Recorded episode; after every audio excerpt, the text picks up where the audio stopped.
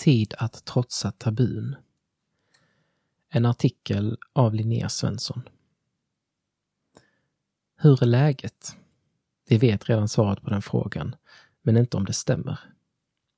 Det är tid att trotsa tabun och öppna fönster.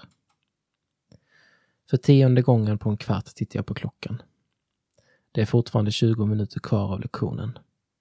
Killen framför sträcker diskret på sig för att inte somna. Tjejen bredvid honom har plockat upp mobilen. Jag vänder tillbaka blicken mot läraren, men det känns nästan omöjligt att lyssna på honom. Jag kan inte koncentrera mig för det finns inget syre i rummet. Vi behöver öppna fönstret. Dålig ventilation. Den unkna luften i ett rum gör oss trötta och ofokuserade. På samma sätt kan våra tankar bli unkna och göra oss nedstämda, inåtvända och trötta om vi aldrig ventilerar dem. I vår kultur är det delvis tabu att må dåligt. Vi söker det perfekta livet och allt som motsäger det censurerar vi när vi möter människor. Därför censurerar vi också våra problem och undviker att prata om våra svagheter och brister. Konsekvensen blir ofta ensamhet. Ensom eller alene.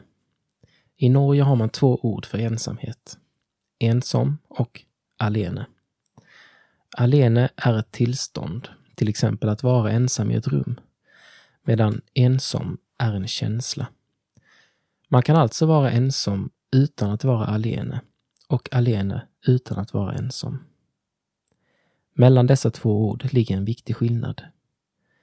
Det sägs att ensamhet är vår tids största folksjukdom. Och det är lätt att tro att det beror på att vi sitter ensamma på fredagskvällarna. Men även den som alltid är omgiven av vänner kan vara ensam. Det räcker inte att dela vår tid med vänner. Vi har också behov av att dela våra jobbiga tankar med andra människor. Om vi inte gör det blir vi ensamma med dem. Skapad för frisk luft. För att våga berätta vad vi kämpar med behöver de flesta av oss någon form av bekräftelse. Vi behöver en försäkran om att den vi pratar med inte kommer att se ner på oss eller använda våra svagheter för att skada oss. I Bibeln uppmanas vi att bära varandras bördor och för att våga dela våra bördor behöver vi skapa en kärleksfull gemenskap där vi accepterar varandras svagheter. Vi är inte skapade för ensamhet, utan gemenskap och vi klarar oss inte utan varandra.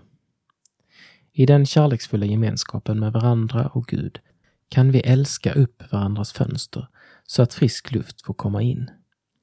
Ibland kan ett enkelt samtal räcka för att helt vädra bort de negativa tankarna.